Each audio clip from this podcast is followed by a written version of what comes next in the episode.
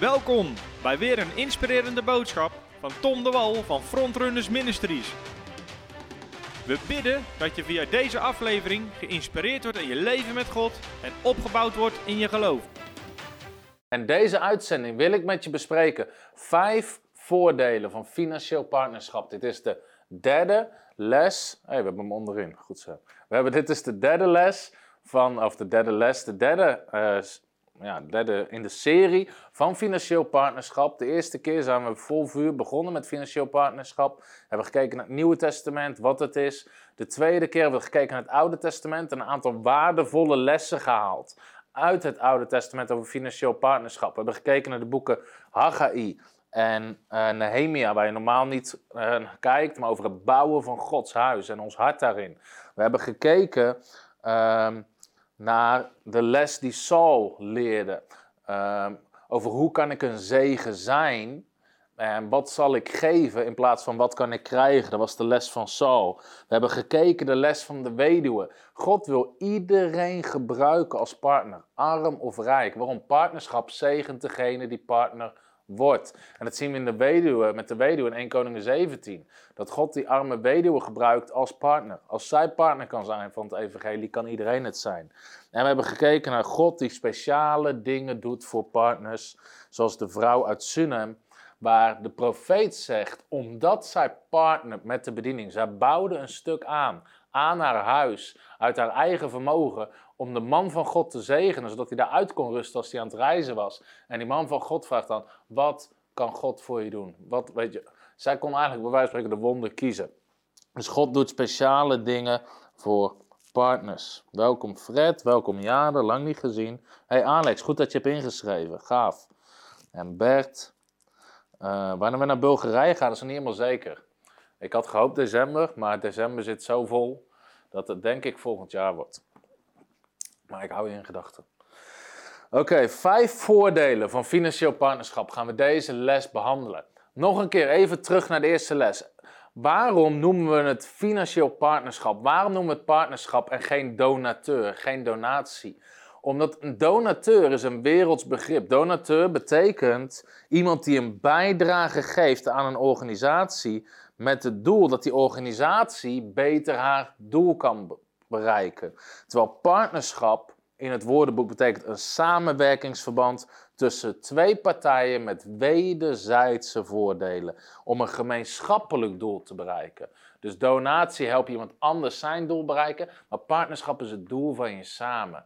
En daar hebben we alle andere uitzendingen ook over gehad. Maar het is goed om even te herhalen. Want deze uitzending gaan we het specifiek hebben over vijf voordelen voor uh, partnerschap. Bijbelse voordelen voor financieel partnerschap. En de allereerste ga ik halen uit Matthäus 25. En je hoeft hem niet op te zoeken, want het is een hele bekende gelijkenis over de talenten. Vanaf vers 14 uit mijn hoofd. Even kijken, ja. Vanaf vers 14. Financieel partnerschap. Uh, Jezus onderwijst daar de gelijkenis van de talenten. En de gelijkenis die Jezus doet, is iemand ging naar het buitenland en geeft zijn dienstknechten talenten. Hij geeft de een vijf talenten, de ander twee en de ander één. Ieder naar zijn bekwaamheid, zegt de Bijbel. En waar die gelijkenis over gaat, is rentmeesterschap. Rentmeesterschap. Want het, de, de gelijkenis begint zo. Want het is als iemand die naar het buitenland ging, zijn dienaren bij zich riep en hun zijn bezittingen toevertrouwde. En hij gaf een een vijf, de ander twee, de ander één. Nou, de gelijkenis is natuurlijk met Jezus, die vertrekt van deze aarde, naar de hemel gaat, om op een dag terug te komen. Maar Jezus heeft in ieder van ons talenten gegeven. Hij heeft ons uit zijn bezit gegeven. En uiteindelijk vraagt hij daar rentmeesterschap op. Want deze gelijkenis leert ons, als de Heer terugkomt, vraagt hij, wat heb je gedaan met de talenten die ik je gegeven heb?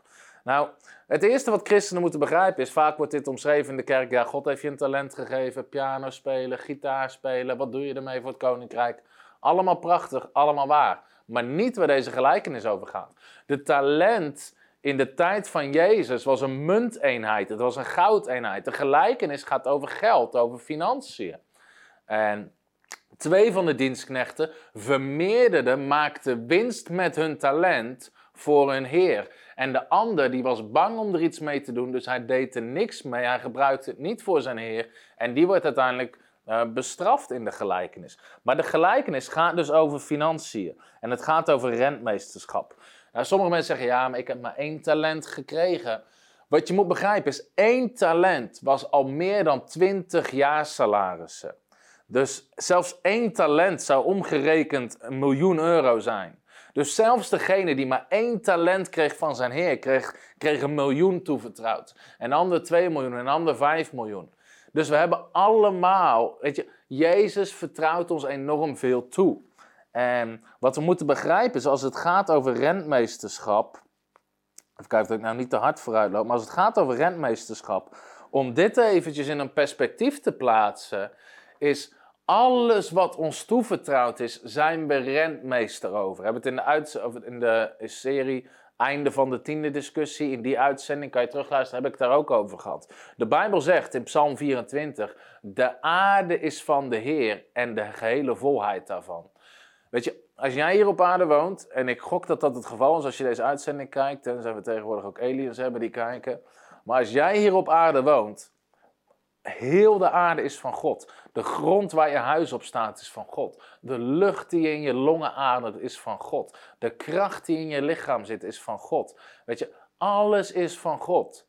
Weet je, ja, waar, waar, is je huis van gemaakt? Van stenen? Waar komen die vandaan? Van de aarde. Waar is je auto van gemaakt? Van plastic, van olie, van metaal. Waar komt het vandaan? Uit de aarde. Alles wat je hebt, weet je, dit overhemd, ik, ik heb niet heel veel verstand van kleding, maar is van katoen, is van een plant, komt van God. Alles is van God. De aarde is van de Heer en de volheid daarvan. En wij zijn rentmeesters daarvan. En daar gaat deze gelijkenis over. Maar op een dag komt Jezus terug. En dan vraagt hij: Wat heb je gedaan met je rentmeesterschap? Als je vragen hebt tussendoor, mag je ze stellen. Maar zelfs degene met één talent kreeg een miljoen. Wat leert ons dat? Onze Heer wil ons grote hoeveelheden geld toevertrouwen als wij de verantwoordelijkheid nemen om daarmee het goede te doen. En wij mogen een wijs rentmeester zijn voor het koninkrijk. Nou, wat is het eerste voordeel van financieel partnerschap? Als je een financieel partner bent, dan ben je een wijs rentmeester die grote impact maakt. En daar ga ik zo wat meer over uitleggen. En uiteindelijk de gelijkenis vertelt ons dat de goede dienstknechten maakten winst met hun talenten voor hun Heer. Ze maakten winst voor koning Jezus. En, en dat is even belangrijk om weer te benadrukken en altijd van ons te beseffen in ons hart. De Bijbel zegt, we zijn met niks deze wereld ingekomen. Weet je, sommige mensen heten zelfs naakt geboren met een achternaam. Weet je, die ouders hadden iets heel goed door. Elke baby die geboren wordt, komt met helemaal niks deze wereld in. En de Bijbel zegt dan in Timotheus, 1 Timotheus 6 vers 7, we hebben niks deze wereld ingedragen en we kunnen er ook niks uit meenemen. Weet je, op een dag gaan we allemaal dood en we kunnen niks meenemen van materiële dingen de eeuwigheid in. Ik, lag, ik zag laatst een nieuwsbericht van een, een of andere rapper in Amerika die met 3 miljoen dollar in zijn kist werd begraven. Ten eerste vraag ik me af hoe lang het duurde voordat die andere hem op heeft gegraven om die 3 miljoen te krijgen. Ten tweede, weet je, het verrot in de grond. Je kan het niet meenemen. En dat zegt de Bijbel ook. We, kunnen niks, we zijn met niks de wereld ingekomen, we kunnen niks meenemen. Het enige wat we mee kunnen nemen is impact wat we in de eeuwigheid maken. Zielen die we winnen en wat we investeren in het koninkrijk, dat krijgt eeuwigheidswaarde. Jezus zegt in Matthäus hoofdstuk 6: Verzamel geen schatten op aarde, maar verzamel ze in de hemel. Hoe doe je dat? Door te investeren in het koninkrijk. En wat heel veel christenen niet beseffen, is dat. Ehm, uh, even kijken, ga ik nou vooruitlopen?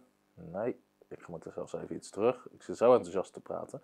Wat heel veel christenen niet beseffen, is dat uh, in de hemel is er letterlijk, zijn er letterlijk beloningen. Jezus sprak regelmatig over beloningen in de hemel, over loon in de hemel, over eeuwigheidswaarde geven aan, aan wat we doen hier op aarde. En ook het Bijbelboek Openbaring zegt Even kijken dat ik die tekst die snel kan vinden. Of dat ik die bij de hand heb. Heb ik dat bij de hand hier?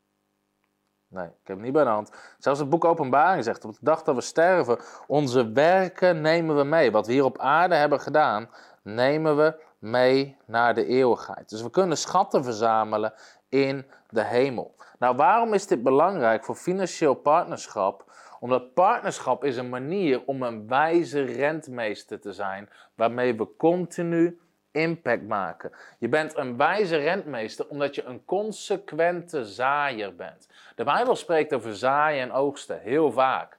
En een boer, als je het vergelijkt met een boer in het natuurlijke, mijn schoonvader en helemaal schoonfamilie zijn akkerbouwers. Dat zijn consequente zaaiers. Ieder seizoen opnieuw zaaien ze, zaaien ze, zaaien. Ze zijn geen toevallige zaaiers. Wanneer ze er zin in hebben, wanneer het goed uitkomt of wanneer ze toevallig over het weiland lopen. Nee, ze zijn consequente zaaiers. Daardoor zijn ze consequente oogsten. Oogsters, is dat een woord? Anders is het nu een woord. Consequente oogsters. Ieder jaar oogsten ze opnieuw, omdat ze ieder jaar zaaien. Ieder seizoen zaaien ze, ieder seizoen oogsten ze. Heel veel christenen zijn, zijn geen consequente zaaiers. Ze zijn toevallige zaaiers. Als ze een keer in een dienst komen, geven ze iets. Als ze er een keer aan denken of een nieuwsbrief krijgen, geven ze iets. Als ze toevallig een maand op vakantie zijn, geven ze niets. En dan zijn we geen consequente zaaiers, dan zijn we toevallige zaaiers. En dan zal je ook geen consequente oogsten worden. Wat financieel partnerschap doet, als jij een commitment maakt om maandelijks te geven, je stelt het in, ben je een consequente zaaier. Je bent consequent aan het zaaien. Weet je, en nogmaals, we hebben een andere uitzending gezien. Dat is niet iets van de 21ste eeuw waar je alleen op, waar je op een website in kan stellen van, oh, ik geef iedere maand. Nee, de Filippenzen, regelmatig, zegt Paulus, zonden ze hem iets toe. Paulus zegt in 1 Korinther 16, ik roep de hele gemeente op om iedere week geld apart te zetten om te zaaien. 1 Korinther 16. Dus consequent zaaien is geen principe van de 21ste eeuw, het is een bijbels principe van de eeuwigheid. En als je een consequente zaaier bent, zal je een consequente oogster zijn en je bent een wijs rentmeester. Waarom? Jezus heeft jouw bezit toevertrouwd. Weet je, en we mogen ervan leven, we mogen ervan genieten, zegt Timotheus. Uh, daar roept de Paulus op. De rijken van deze wereld zegt dat ze kunnen genieten van hun, arm, van hun rijkdom. En rijk moeten zijn in goede werken en in zaaien en oogsten. Weet je, dus we mogen ervan leven. God wil ons alle dingen erbij geven als we het koninkrijk zoeken. We mogen ervan genieten. Maar we moeten ook het koninkrijk bouwen. We moeten het koninkrijk op de eerste plek hebben. En door consequent te zijn, zijn we wijze rentmeester. Jezus heeft het ons toevertrouwd en we maken een commitment en we bouwen op een wijze manier mee. En weet je, het is Gods plan dat je altijd genoeg hebt. Deze tekst wil ik even lezen. 2 Korinthe 9, vers 8. Um, uh, want het is natuurlijk goed om te geven bij de gelegenheden die je krijgt. Naast je maandelijkse partnerschap is het gewoon goed als je in diensten komt, als je gezegend wordt ergens, om te geven. Paulus zegt zelfs in 2 Korinthe 9, uh, vers 8: God is bij machten om elke vorm van genade, en dat hoofdstuk gaat over financiën, overvloedig te maken in u, zodat u wanneer u in alles, altijd, al het nodige bezit, in alles altijd al het nodige bezit, zodat u overvloedig kunt zijn in elk goed werk. In andere woorden, dat je altijd de kans hebt om te zaaien. Ik herinner me jaren terug dat ik op een grote conferentie zat in Nederland. En volgens mij drie, vier sessies per dag. En twee, drie keer per dag werd er een offer opgehaald. En degene die naast mij zat, ik kende die persoon niet, die werd boos vanwege de offers. En die zei: Hoe kunnen ze nou iedere sessie een offer ophalen? Het is toch onmogelijk om iedere sessie te geven? Toen die dat zei, het irriteerde me in mijn geest. Waarom? De Bijbel zegt: God is bij machten om je zo te zegenen dat je in elk goed werk, iedere keer, altijd kunt geven. 2 Korinthe 9. Dat je altijd overvloedig kunt zijn. Het irriteerde me in mijn geest. En ik maakte een besluit. Ik wil komen op het punt dat we, weet je, al zit ik vijf dagen lang op een conferentie, vijf sessies per dag, 25 sessies op tafel halen, iedere sessie een offer op, dat ik iedere sessie kan geven als ik wil. Waarom? Dat is het plan van God. En dan heb je een mindset van ik ben een consequente zaaier. Ik zeg niet dat je iedere sessie hoeft te geven, maar ik wil wel op het punt komen dat ik het in ieder geval kan geven. En dat ik niet geïrriteerd hoef te raken omdat ik het niet kan. Want dat gaat tegen het woord van God in. En voor sommige mensen is dit, uh, is dit misschien eh, vernieuwing van denken. Maar daar hebben we het de vorige keer over gehad. Als, je op een conferentie zit, is het niet het moment om weg te lopen naar de wc te gaan tijdens het offer. Dat is jouw moment om te zaaien. En voor sommige mensen zit hun doorbraak tijdens de conferentie niet in de prediking, niet in de bediening, maar in het offer. Weet je, ik herinner me zelfs een voorganger en, ze hadden, en getuigenis staat in ons boekje over financieel partnerschap. En mijn vrienden voorganger van mij, ze hadden een doorbraak nodig in hun kinderwerk. Ze hadden veel geld nodig uh, voor, voor hun kinderwerk uh, om meer kinderen te bereiken. En ik sprak daar in de gemeente en weet je, ik had daar gepredikt, ik had daar bediend. En God sprak tot hem om, om duizend euro te zaaien in onze bediening vanuit de kerk. En ze deden dat. En binnen een week kregen ze een gift toegezegd, die ze ook gekregen hebben, specifiek voor hun kinderwerk, van 45.000 euro. Ze zaaiden vijf, of ze oogsten 45 keer hetgene wat ze gezaaid hadden. Maar hun doorbraak zat niet in de prediking, zat niet in de bediening. Hun doorbraak zat in het offer toen ze besloten vanuit de kerk, we geven 1000 euro mee. En binnen een week oogsten ze 45voudig. Weet je, dus, dus dat is een andere mindset, overgeven. Uh, maar partnerschap, uh, door partnerschap ben je consequent aan het meebouwen. Je bent consequent aan het meebouwen. En dat is de, de mindset van een rentmeester.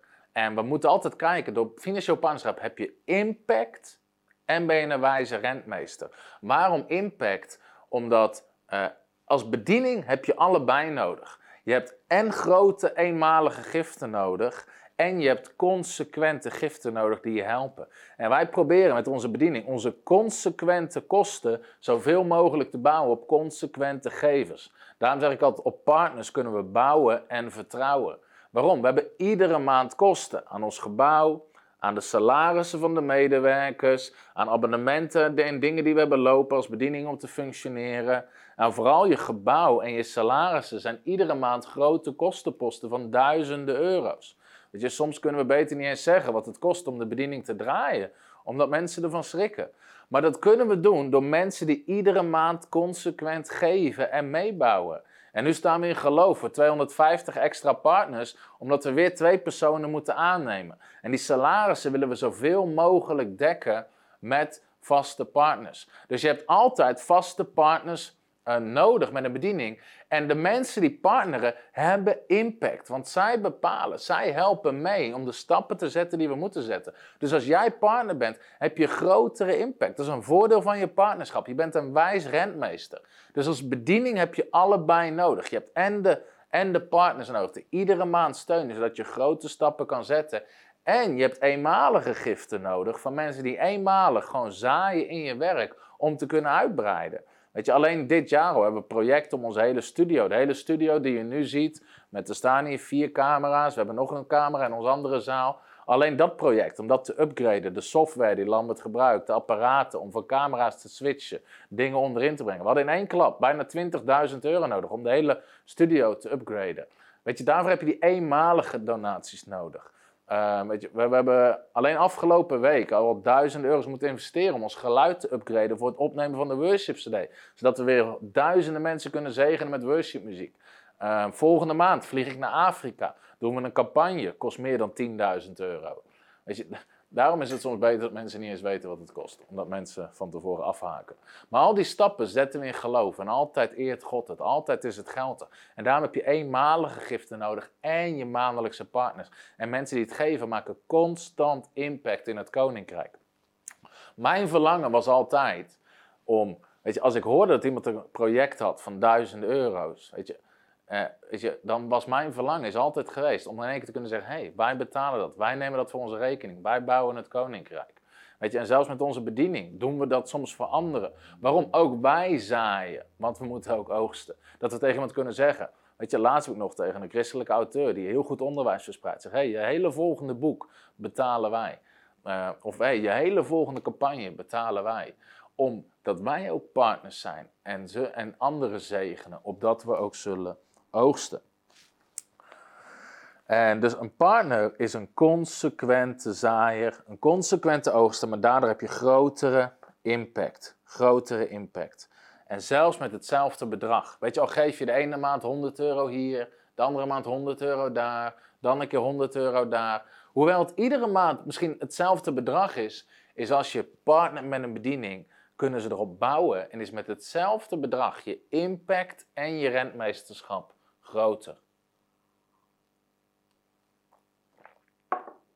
Dus dat is het eerste voordeel van financieel partnerschap. Je hebt grotere impact en je bent een wijs rentmeester. En Jezus vraagt rentmeesterschap. En het goede nieuws uit de gelijkenis van Matthäus 25. Alles wat we gebruiken, wat we vermeerderen voor zijn koninkrijk. Weet je, Jezus geeft je daarna meer. Ook in die gelijkenis. Degene die vijf talenten had, weet je, Jezus gaf hem nog meer talent. Alles wat we goed gebruiken voor het koninkrijk durft Jezus te vermenigvuldigen. Maar degene die het niet durfde te gebruiken voor het koninkrijk, in Matthäus 25, alles werd hem afgepakt. Dat is vaak het gedeelte van de gelijkenis wat niet wordt voorgelezen. Maar het staat er ook in. Weet je, God wil dat we wijze rentmeesters zijn. Nummer twee, de tweede voordeel. Dus het eerste is, je bent een wijs rentmeester. Je bent een consequente zaaier, je zal een consequente oogster zijn en je maakt meer impact. Uh, daarnaast, dus tweede voordeel is, je erkent uh, jouw plek in het lichaam. Je erkent jouw plek in het lichaam. De Bijbel leert ons in 1 Korinthe 12 en andere teksten ook in Romeinen dat um, Jezus is het hoofd, wij op aarde zijn het lichaam.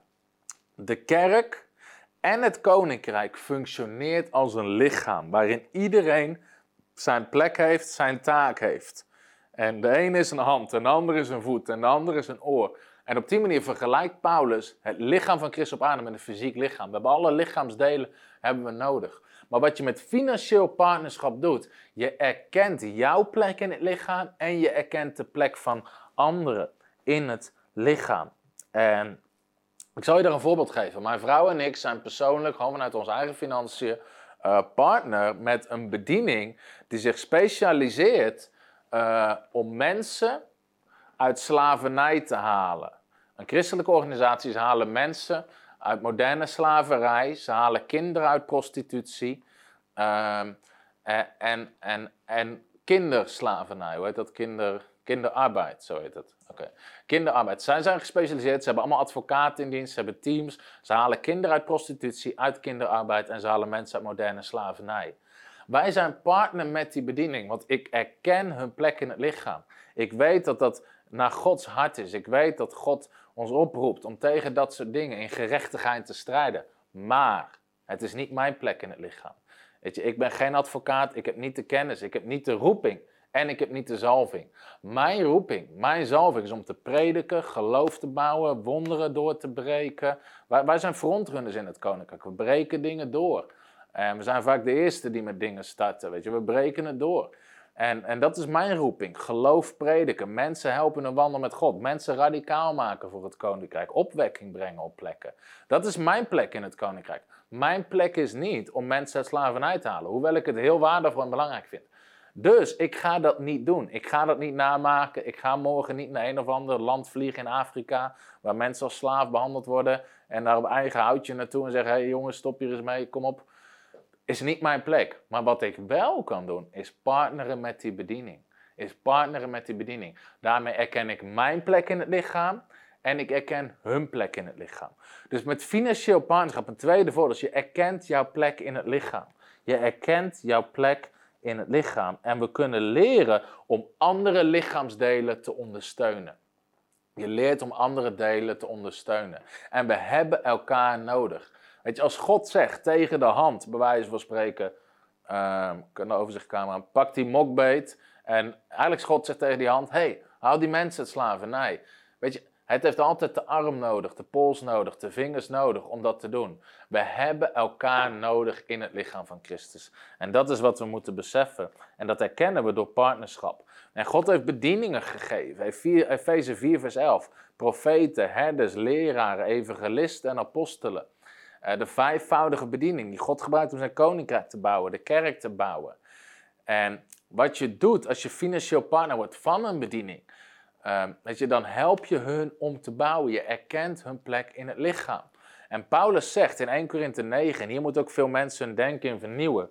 Paulus zegt in 1 Korinthe 9 vanaf vers 7: Wie dient ooit in het leger en betaalt zijn eigen salaris? In andere woorden, als het goed is, hoeft een soldaat niet zijn eigen salaris te betalen en al zijn eigen eten mee te nemen als hij op uitzending gaat. Wie plant een wijngaard en eet niet van de vrucht? Als je een appelbomen hebt, weet je, wie pakt er niet zelf ook van die appels? Wie wijdt een kudde en voedt zich niet met welk, melk van de kudde? Weet je wel, boeren hebben recht om, om melk te pakken van hun eigen kudde. Spreek ik naar de mens of zegt de wet niet hetzelfde? Want in de wet van Mozes staat: U mag een dorsende os niet muilbanden. Bekommert God zich om ossen? Nee, hij zegt dit voor ons. Dat wie ploegt in hoop hoort te ploegen en dat wie in hoop dorst het deel waarop hij hoopt hoort te krijgen. Paulus vergelijkt het met een os.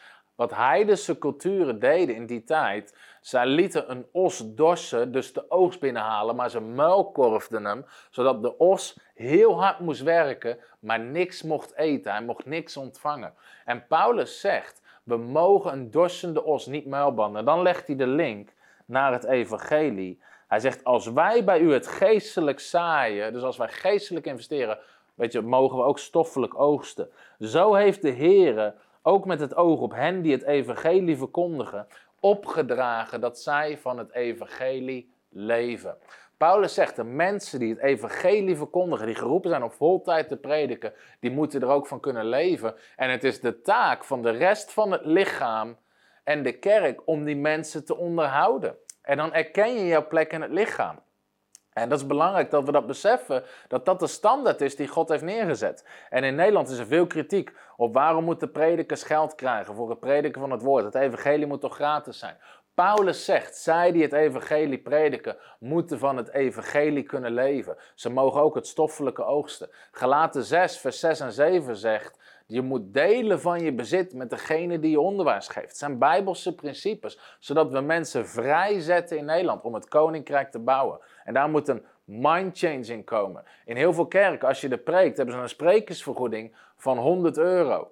En voor die 100 euro moet je een preek voorbereiden van een halve dag. Dat is vier uur werk. Dan moet je erheen rijden, anderhalf uur. Moet je anderhalf uur terugrijden, zit je op zeven uur werk. De dienst duurt twee uur, negen uur werk. Je bent na de hand bij altijd om mensen te praten en bedienen. Tien uur werk voor 100 euro is 10 euro per uur. En daar moet je je belasting over afdragen, is, is 6,50 euro per uur. Weet je, een bijbaantje bij de Albert Heijn verdient nog dubbel zoveel als het prediken van het evangelie in veel kerken en plekken in Nederland. Sterker nog, het is onder het wettelijk minimumsalaris wat we Nederlandse predikers vaak meegeven. En het is een oneer en disrespect in de ogen van God. Want Paulus zegt, zij die het evangelie prediken, moeten ervan kunnen leven. Nou, van 100 euro per spreekbeurt, als je uitgaat wat je in Nederland nodig hebt van een salaris om je gezin te onderhouden, zeker als de Belastingdienst eroverheen komt, is onmogelijk om zoveel te prediken dat je dat gaat redden.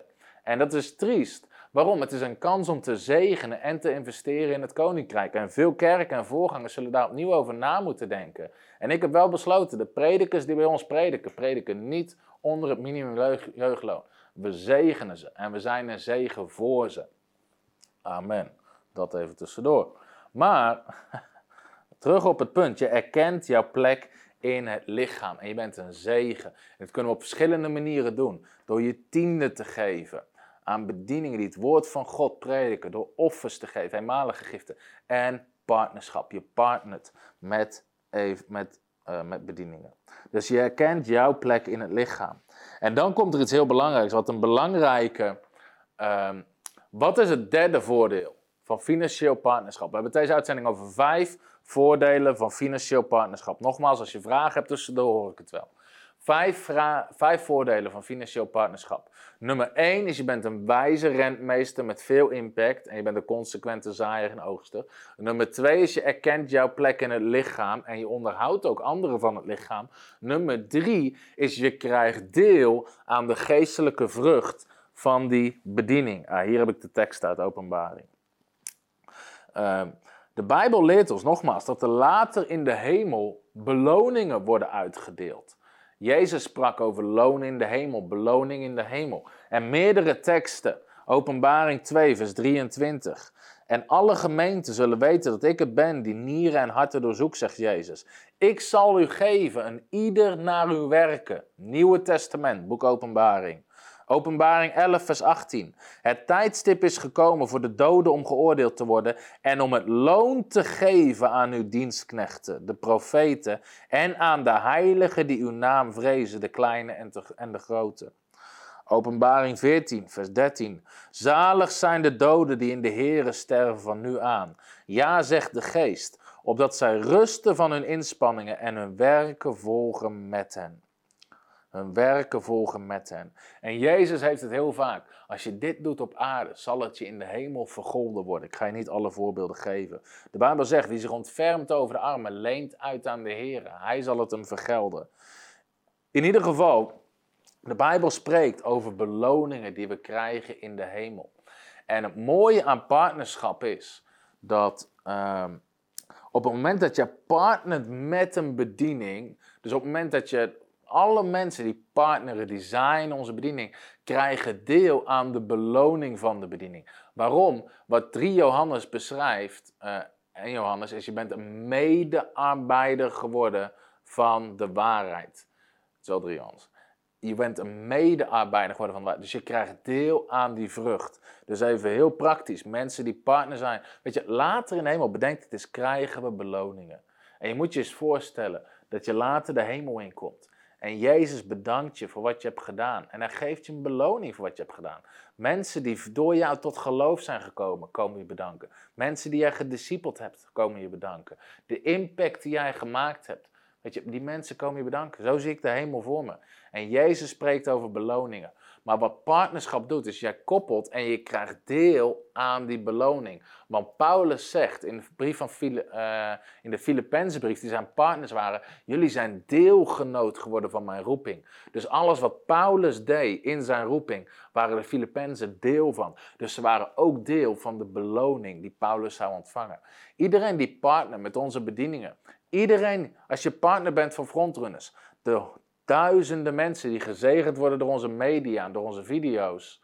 Weet je, dat is ook deel van jouw vrucht. Daar ben jij ook deel van. Als we iedereen, als we als de aanstaande weekend ons worship album, al die mensen die, die God ontmoeten via de worship, is deel van jouw beloning, is deel van wat God jou voor bedankt. Als we volgende maand in Afrika het evangelie staan te prediken en er komen honderden mensen of duizenden mensen die een keuze maken voor Jezus Christus, die we later in de hemel zullen ontmoeten. Weet je, als jij partner bent van frontrunners, dan is die beloning ook voor jou. Dan komen die mensen, weet je, dan komen die mensen jou bedanken. Zeg, hey, bedankt dat je partner was, bedankt dat je ze hebt gezonden, bedankt dat je achter ze stond. Door jou, door jou ben ik tot Jezus gekomen. Dat is wat partnerschap doet. Je krijgt deel aan de vrucht. Je krijgt deel aan de vrucht. Dus het voorbeeld wat ik gaf met mensen uit slavernij halen. Later in de hemel kunnen de mensen naar je toe komen en zeggen: hey, hey, bedankt dat je mij uit slavernij hebt getrokken, zodat ik een impact, weet je, zodat ik een vrij mens kon leven. En kon leven voor het koninkrijk.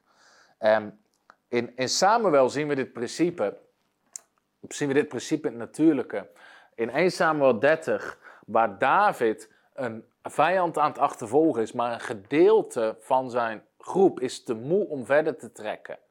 En die blijven dan achter bij de spullen, terwijl de rest wel gaat om de, om de strijd te strijden. Is er een gedeelte wat achterblijft bij de spullen.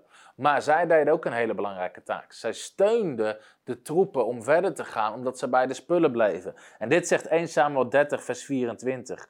Zoals het deel is van hen die mee ten strijde trokken, zo zal ook het deel zijn van hen die bij de bagage zijn gebleven. Zij moeten samen delen. Dus David ging die vijand overwinnen, daar kwam een buit uit. Maar David zegt, hey, we delen die buit met degene die achter zijn gebleven. Weet je, als jij een partner bent ik denk niet dat je volgende maand meegaat naar Afrika. Maar je bent er wel deel van. En de buit, de geestelijke buit, wat gewonnen wordt voor het koninkrijk, wordt verdeeld.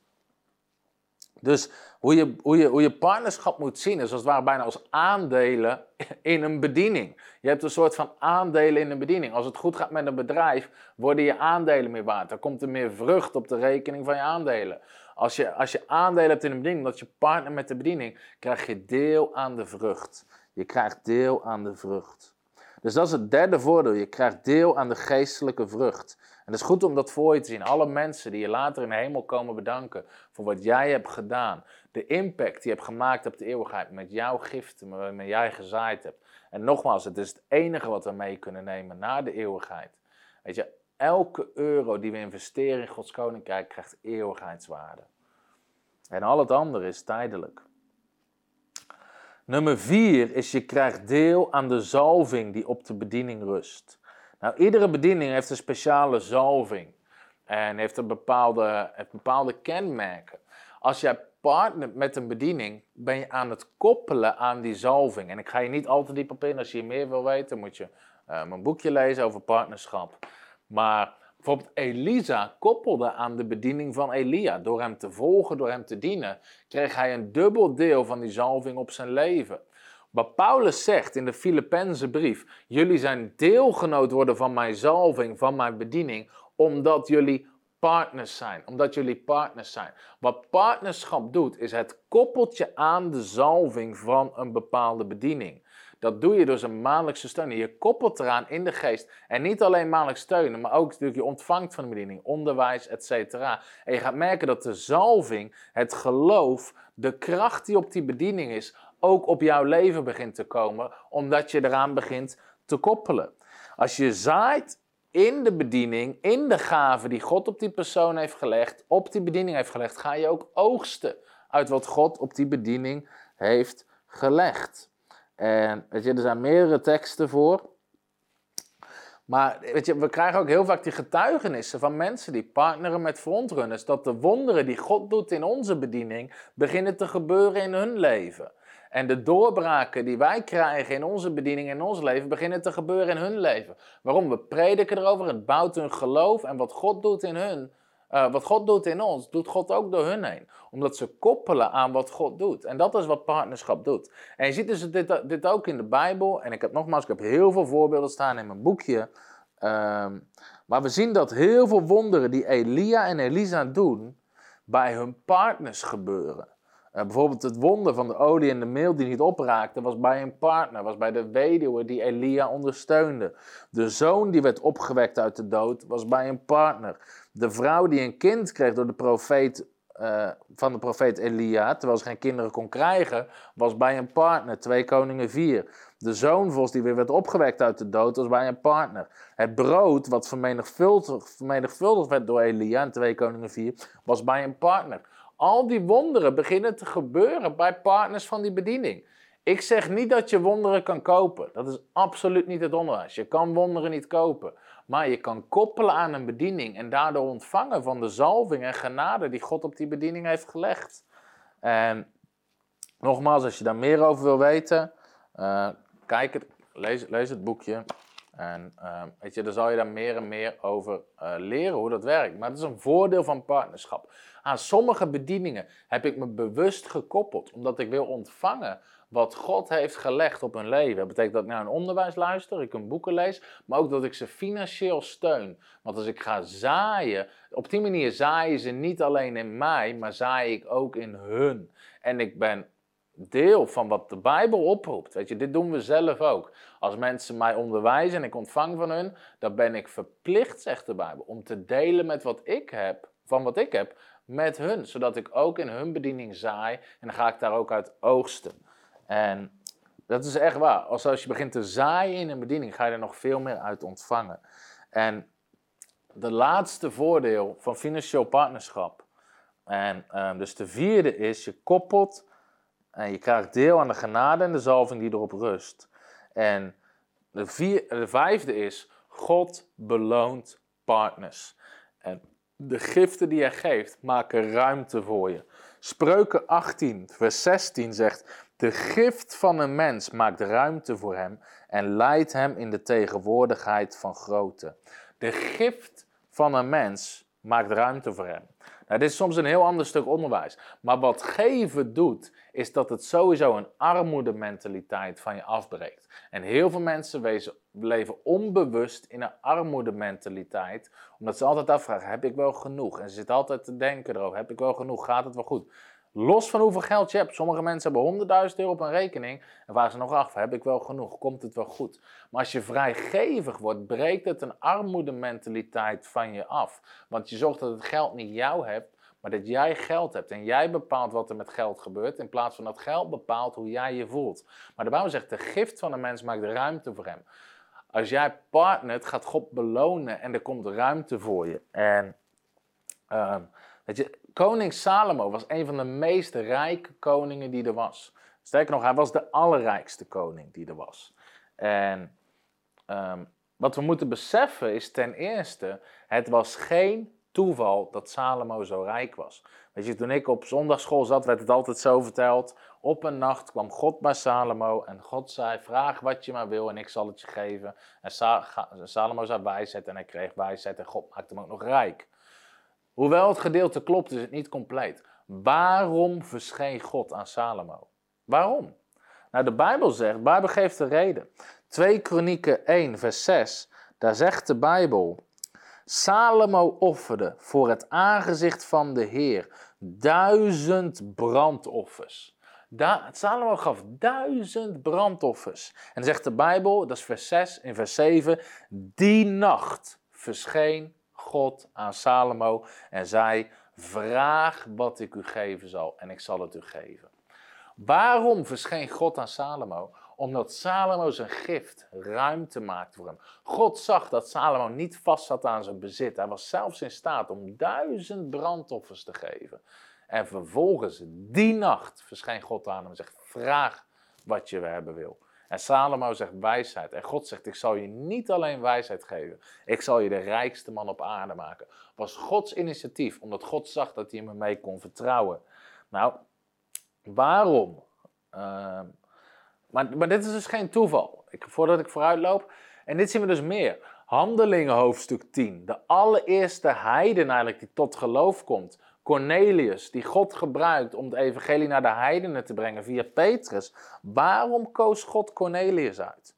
Waarom van alle miljoenen heidenen die leefden, koos God Cornelius? De Bijbel zegt in Handelingen 10, want hij was een vroom man die met heel zijn huis God vreesde en veel liefdegave gaf aan het volk en voortdurend tot God bad. De Bijbel benadrukt van Cornelius dat hij veel weggaf. Hij gaf veel weg. Waarom koos God Cornelius? Zijn gift maakte ruimte voor hem. Zijn gift maakte ruimte voor hem. En uh, heel veel meer ga ik daar niet over zeggen, er komt nog wel een ander onderwijs.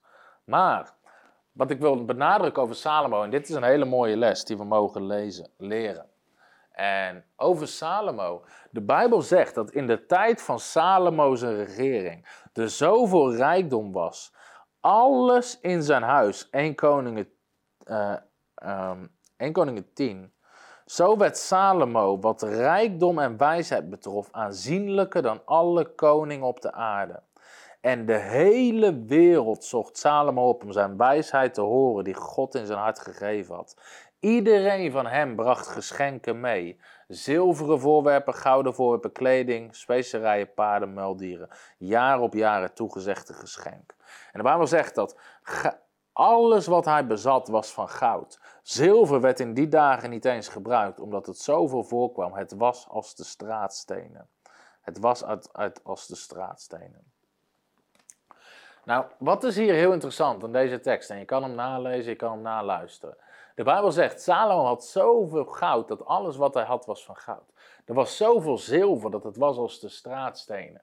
En hij had zoveel wijsheid dat de hele wereld kwam om zijn wijsheid te horen. En dan zegt de Bijbel over die mensen, en zij namen geschenken mee voor Salomo.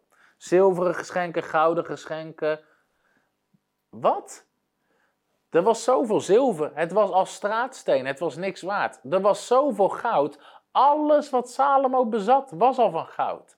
En toch neemt iedereen die Salomo begint te bezoeken zilver en goud mee. Dan zou je denken, Nederlanders denken, ja maar wat is dat nou? Hij heeft toch al genoeg, wat moet hij daar nou mee?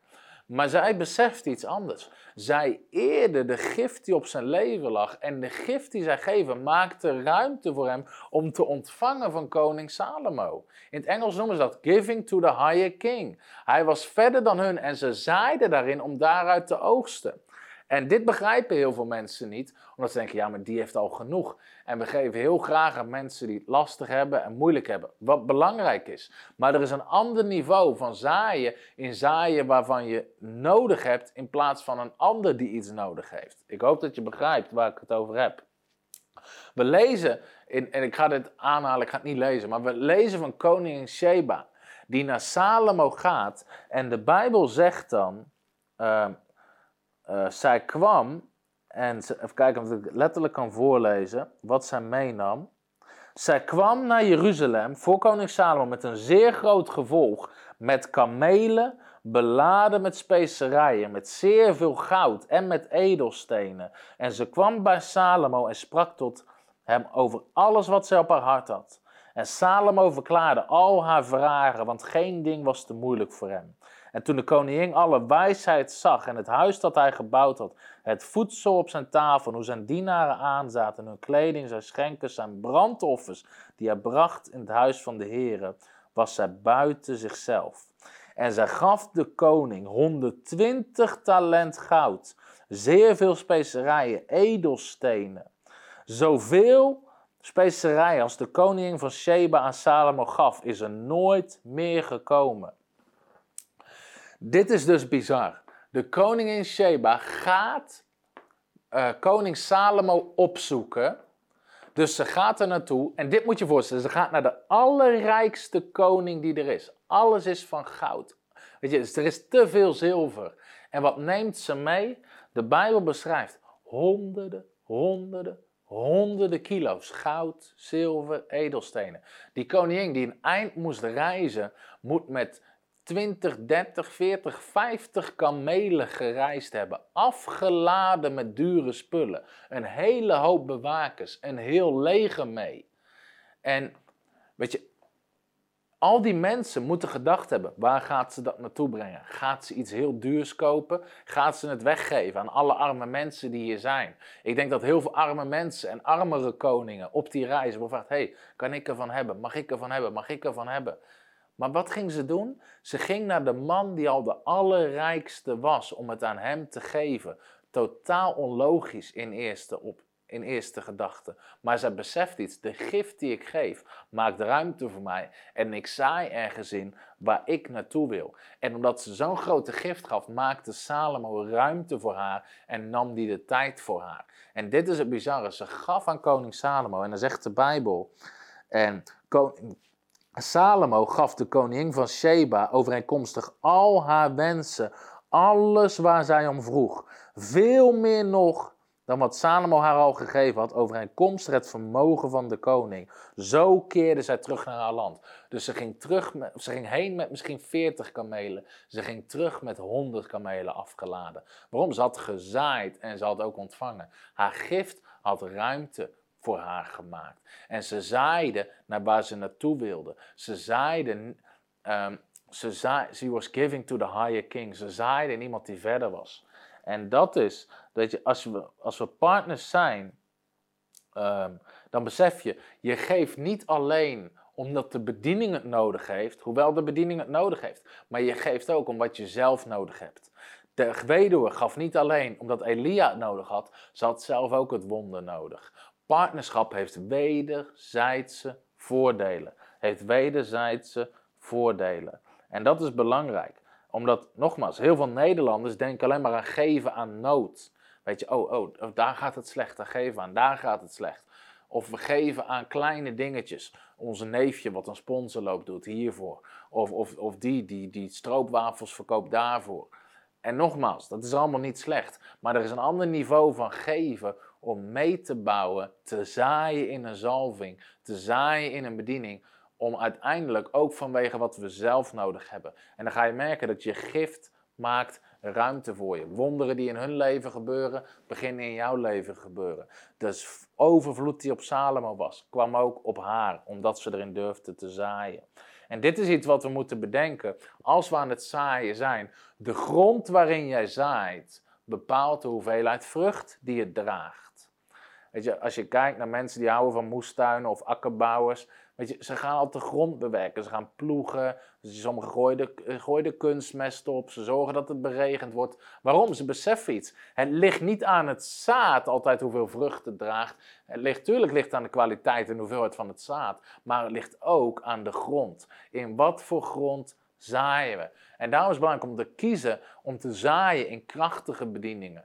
Om te zaaien niet alleen in nood, niet alleen in kleine projecten, maar constant te zaaien. Waarom? Dan zal je een constante oogst worden en de grondsoort bepaalt ook hoeveel je oogst. Dus kies ervoor om te zaaien in krachtige bedieningen en in het koninkrijk van God. En ik denk dat dit denken van mensen uh, vernieuwt als we dit eenmaal beginnen te begrijpen. En nogmaals, dit onderwijs zijn we niet gewend in Nederland, maar het is wel iets waar we over na moeten denken. Het wordt tijd dat we verder kunnen praten over financiën en over zaaien en oogsten, in plaats van altijd alleen maar wie kaar zaait elkaar oogsten, deze zondag maar uw gift geven en iedereen gooit er 5 euro in. Weet je, dat is niet een model wat God voor ogen heeft om jou naar een volgend level te helpen. Um, dus ik heb deze uitzending gedeeld. Vijf uh, voordelen van financieel partnerschap. Je bent een betrouwbaar rentmeester met veel impact. Ik zal er zes maken. Je bent een consequente zaaier en een consequente oogster. Je erkent jouw plek in het lichaam. Je hebt deel aan de vrucht van de bediening. Je koppelt aan de genade en de zalving van een bediening. En jouw gift maakt ruimte voor je. Dat zijn vijf voordelen van financieel partnerschap. Dus dat wilde ik deze uitzending met je delen. Als je geen partner bent van Frontrunners, ik wil je vragen, word partner van Frontrunners. Help ons mee het Koninkrijk van God te bouwen. Weet je, we hebben één doel, dat is veel vrucht dragen. We willen zoveel mogelijk mensen winnen voor Christus. Dus volgende maand zijn we in Afrika weer om honderden mensen te bereiken met evangelie. Ons doel is duizenden. We zenden iedere week onderwijs uit. We hebben revivalavonden, we hebben bijbelscholen. We willen nog veel meer bijbelscholen starten. We schrijven boeken, we maken video's. Weet je, we willen duizenden mensen veranderen met het evangelie van het Koninkrijk van God. Doen we in Nederland, doen we in het buitenland. Als je ons daarmee wil helpen, een consequente zaaier wil zijn, waarderen we dat enorm. En we staan in geloof voor 250 extra maandelijkse partners, zodat we extra mensen aan kunnen nemen om nog veel meer vrucht te dragen in het Koninkrijk van God. En iedereen die partner wordt vanaf 25 euro of meer in de maand, weet je, we sturen je, dat is een actie die we nu tijdelijk hebben, we sturen je alles op wat we hebben, um, zolang de voorraad strekt. Eh, we hebben USB-sticks over genezing, met 16 uur genezingsonderwijs uh, in audio en video. Hetzelfde geldt voor het onderwerp geloof. Hetzelfde geldt voor het onderwerp opwekking en opwekkingsgeschiedenis. Wat gaat over de grote mannen en vrouwen van God en hoe opwekking ontstaat. En over het onderwerp voorziening. Nog een boek eh, van Zoran over de genade van God, hoe we daarin kunnen functioneren. Mijn boek om 50 redenen voor het spreken in tongentaal. En mijn boek over financieel partnerschap sturen we je op als je partner wordt vanaf 25 euro of meer in de maand, zolang de voorraad strekt. Daarnaast alle nieuwe boeken die ik schrijf, al het onderwijs wat uitkomt, krijg je van ons, sturen we naar je op, omdat wij een zegen willen zijn en ook willen zaaien in jouw leven met het onderwijs wat God ons geeft om te verspreiden. En Daarnaast hebben we nog een andere categorie business partners. Als je wil geven vanuit je onderneming, vanaf 250 euro per maand kan je business partner worden en kan je meteen deelnemen aan onze Frontrunners Kingdom Business School. Krijg je toegang tot de business platform met allerlei video's vanaf sprekers om je te helpen om je bedrijf te laten groeien. En we hebben een nieuwe categorie en dat heet 1K partners, 1K partners. Mensen die zich op toeleggen om impact te maken op het koninkrijk en zeggen: hey, ik zet me erop in om minimaal 1000 euro per jaar te geven ben je al vanaf 83 euro per maand. 83 keer 12 is 1000. En er is een aparte groep partners die zich daarop inzetten. En weet je, misschien, misschien spreekt God tot je hart om dat te worden. Help ons mee om het koninkrijk van God te bouwen, om Nederland te veranderen met het evangelie. We danken God voor iedereen die partner wordt. We danken jou als je partner wordt. We sturen je alles op wat we hebben, want we willen een wederzijdse zegen zijn. En samen het koninkrijk van God bouwen.